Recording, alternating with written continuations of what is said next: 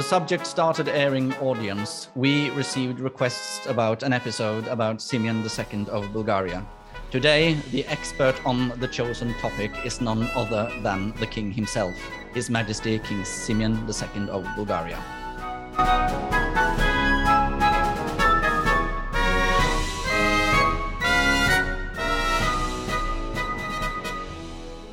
Welcome, Your Majesty. Thank you. We are delighted to have you here with us on this extraordinary episode of The Subjects. Um, how have Your Majesty been through the year of the pandemic? Well, thank God, none of our families has had real problems, but otherwise, as all of us, we've been suffering this whole actually curse and trying to put up with it to the best of our ability. Of course. Um, and how um, has Bulgaria uh, seen its way through the pandemic? Well, I must say that until last August, things were really quite under control in spite of a high mortality, but this has to do with the age group in Bulgaria. But then only after in September, we started having more cases, but now fortunately, it has been reduced to, to the absolute minimum, although there is a reluctance in some way of people to be vaccinated. It's a rather strange thing, and I'm doing my best to encourage everyone, but that's not easy.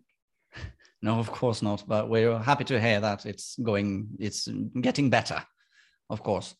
And uh, now we would like to ask you some questions about um, your early life and your life as monarch, because your Majesty became king at quite an early age um, and the youngest youngest monarch in the world at the time.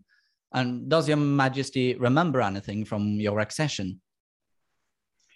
Well, the shock of losing my father. That's and of course at that age, uh, death is something completely unknown.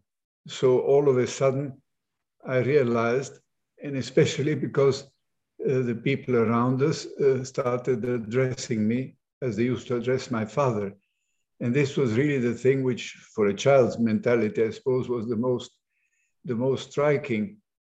And when you say that I was so young, I always tell people that beside my physical age, which is already pretty uh, important, you must add another 12 years because I was six and I had to act as a grown up who will be 18. So I'm really ancient. But um, during the accession, um, are there certain traditions when a monarch dies uh, and their successor supersedes them? For example, as the, um, the hoisting of the royal standards at the Amalienborg Palace in Denmark.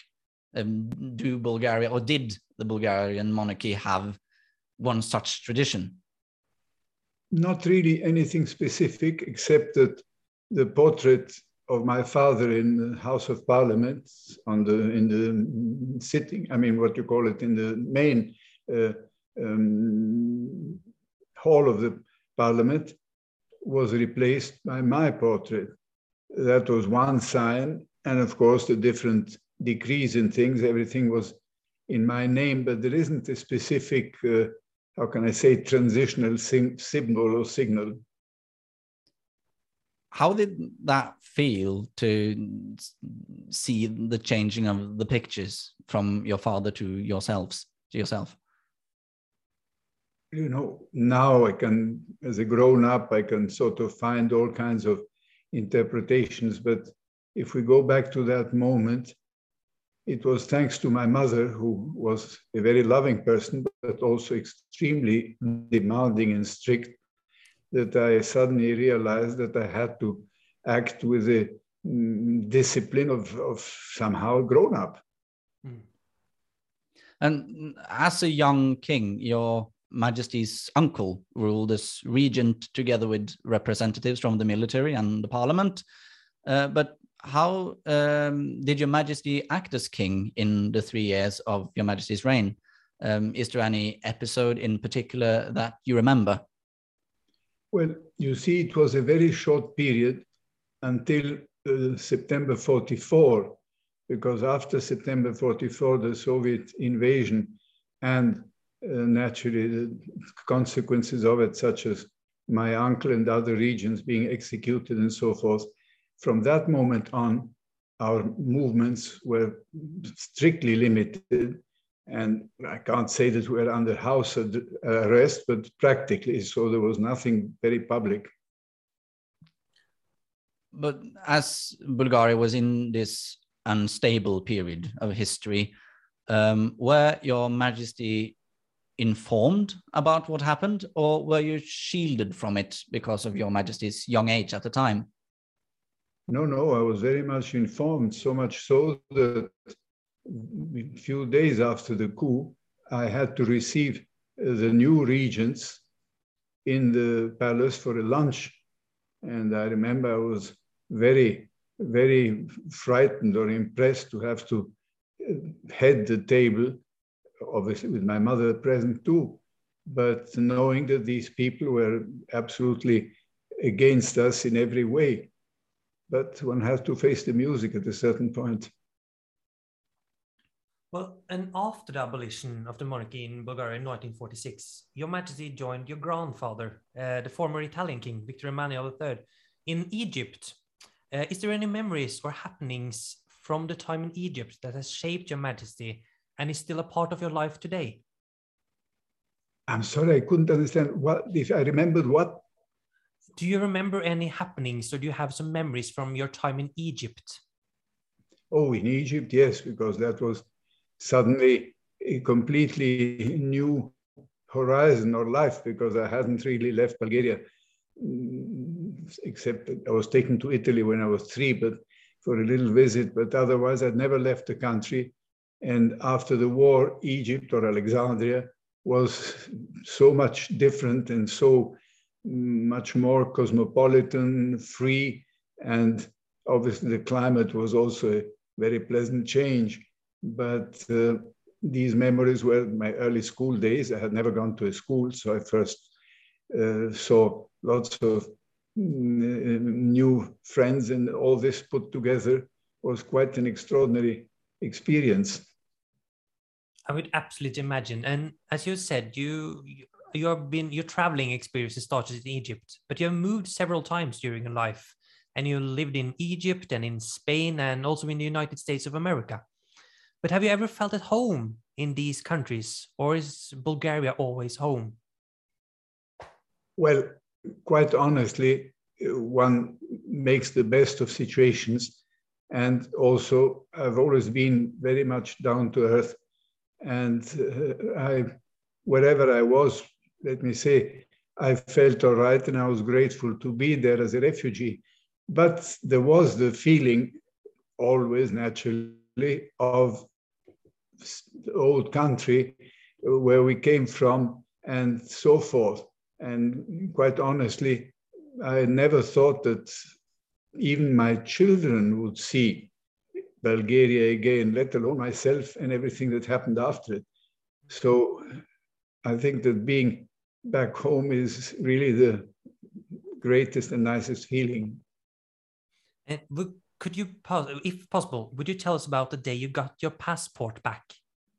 Oh, this was a very important, it's a good question, very emotional moment. And reading your questions the other day, I remembered how proud all of a sudden or protected I felt because we had had all kinds of the famous Nansen, uh, refugee passport, uh, an Egyptian laissez-passer, an Italian uh, passport, uh, then a Spanish one. But somehow it was always something granted. Whereas suddenly when I saw the passport of the Republic of Bulgaria and my name on it, I, I really felt uh, again a citizen of Bulgaria and not just a refugee.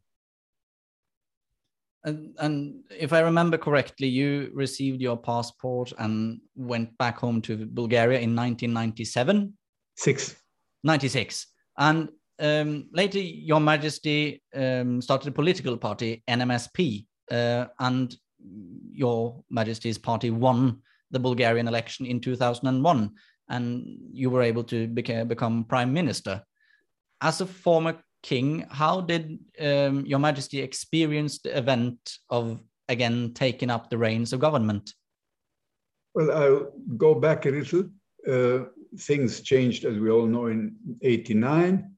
And after that, uh, I was closely watching, as I had always done, but very closely more so, and seeing many more people who could come and visit me because before it was strictly forbidden. And then my sister came back first to the family in 91. After that, my mother visited Bulgaria in 93 for the 50th anniversary of my father's death. And only in 96, after having watched very closely, I thought that the moment had come to visit, which was one special um, moment, obviously, and very emotional. After that, I followed Archduke Otto's advice to appear and leave again and come again and return. And this way, making people feel that it's no more big deal that he appears. And only 90, in 2001 is when I, I came back and we really started the political part. Now, to answer your question, which is very pertinent, especially for a king, I had to go against all principles and what I was taught by history books, but also by people surrounding me, that the king cannot be involved in politics directly, that he cannot back a party, even less so, and let alone lead a party. But the moment was such that I realized that this was a very, very, I would say, high price I had to pay, but that I had to do it for, for, for my country's sake. It wasn't as many people could imagine. Oh, he's ambitious, he wants politics, he wants to become prime minister. Far from that. Uh, the situation was such that after a, a landslide victory, uh, I had no choice. I couldn't sit back and ask somebody else to, to be prime minister and stay as a sort of guru, because I don't think it would have been fair to the people who elected me, or who voted for me. But it was a terribly difficult decision. And also, the job itself was very trying. Was it uh, a profound sense of duty to the country you were initially uh, born to to reign over that um, made you made your majesty take that decision about seizing the premiership well yes because these values or principles were so shall we say deeply uh, driven into me from my very early childhood that it was almost automatic to think of duty and of the country above all so again, I had very little choice of, of movement. I just had to face the situation. And as Your Majesty said, it was um, quite a tough job.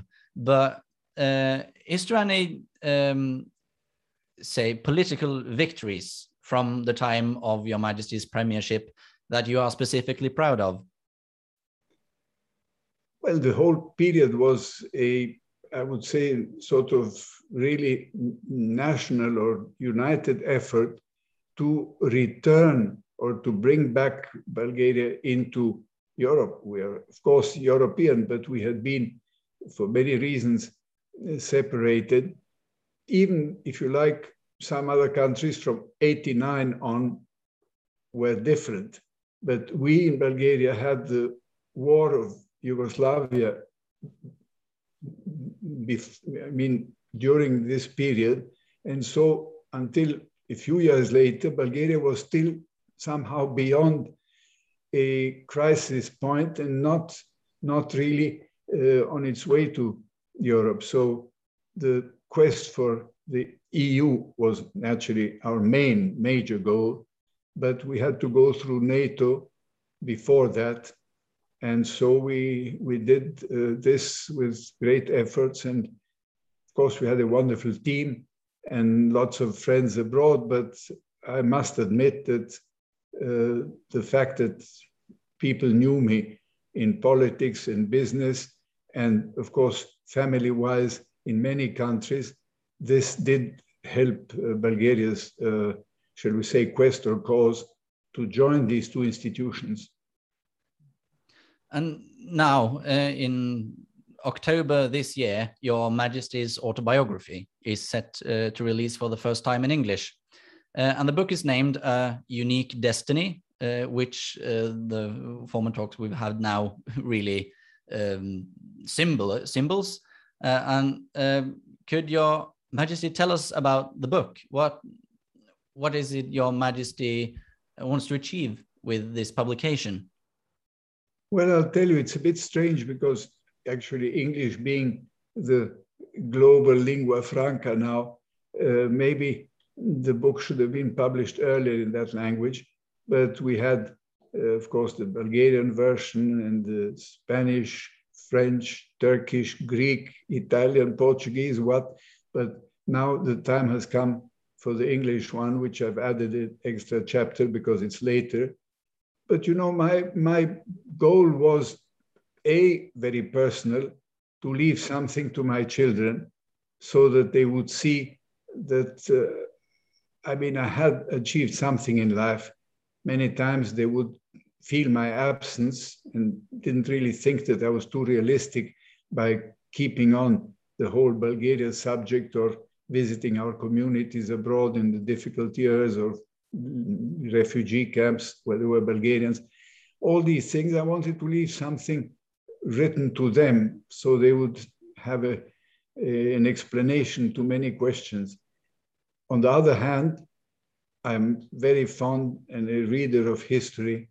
And I thought that even in my own modest way and whatever I have contributed was also worthwhile telling in first person and not they say that or he's supposed to, which is very nice, depending on which way it is aimed at you. But anyhow, I think that it, it, I wanted it to be absolutely my own version. And this was one of the reasons. It's really interesting. And um, it seems like Your Majesty is quite uh, heavily involved with your family. And so our next question is a bit more day-to-day life. So how does you fill your days, your schedule? What do your majesty do? Well, I'm still kept far too busy for my age. And uh, people, I think, overestimate my physical or mental possibilities too. But, you know, I would have liked to, that things had started earlier when my children were still, shall we say, uh, at home, because then I could have uh, moved them over here but events came late when some of my boys were already, of course, grown up, married. Our daughters in law are all professional people, so they have their job, our sons too. So finally, the family life here is when some son or daughter or grandson come by, or those occasions where we try to meet together. But uh, here in Sofia, I'm rather on my own. And of course, nowadays one can communicate beautifully, instantly at any moment. But nevertheless, and you know, when I was prime minister, also, many of the, I would say, anti Simeon elements were very careful to watch and see if I would use some of my sons to, to I mean, practice nepotism and this sort of thing. So I had to even ask them not to come and help me, which was very hard for me and very difficult because the interpretations were immediately given as, as uh, some sinister uh, plot to either bring back the monarchy or to, to try and place my sons in different positions. And as a matter of fact, my daughter uh, was one who could come a little more, and my, doc- my son, who is a doctor, a physician, a surgeon actually, because after all, he didn't sound politically dangerous. But for the rest of my boys, it was very difficult. And how does Your Majesty see your own role in Bulgaria today? Could you tell us a bit about that? Well, we are just going now through a certain political turbulence with uh, snap elections or re elections because the first ones in April did not give a result. And I see that with years back now in the distance of my government and so forth, I have gradually gone back to the role of the good old king who has quite a bit of experience and not the mean prime ministers I was looked at uh, during many years. And we also seen uh, we'll search for your life obviously before this interview, and we saw some pictures from your 80th birthday, and we saw that uh, both the king of Greece, Constantine, and that the crown prince Alexander of Yugoslavia, and that Margareta, the custodian of the Romanian crown, they were all present. And it seems like you enjoy a close friendship with both the former monarchies and still ruling ones. Uh, does the former kings and princes enjoy a close relationship based on the fact that they no longer rule, or is this more of a family relations? Do you no, have like a council? I don't think there's a club of exes or a club of of uh, ruling or kings in, in general, but it so happened that I wanted to have our neighbors around. This was the main consideration, the direct neighbors of Bulgaria. And as we couldn't handle all the relatives and others, I strictly kept it to the people born in 37, in which uh, case, of course, uh, King Harald and Queen Sonja were invited because we are the same year, I'm sorry to say. But uh, uh, then their majesty had different programs, and the king wrote me a very kind letter to apologize. And uh, otherwise, the people of the, that year were not of the ruling monarchs. And we have to ask you, uh, that's, that's a closing question, probably. Have you ever met our majesties, the King and the Queen of Norway? Oh, yes, indeed. A, as somebody who loves history, I read a lot about uh, King Haakon's uh, role during World War II. But then I met King Olaf in 55. And ever since, of course, we used to see each other. And later on, uh, King Harald and as a matter of fact, I was in 2006 in Oslo for a conference, and the king very kindly invited me to lunch with Crown Prince Haakon, who is a close friend of my second son, Kirill, with whom they ski and do all kinds of very, uh, uh, I would say, strong mm, physical efforts, but they seem to enjoy it greatly. So we do have a relationship, obviously, with the two families.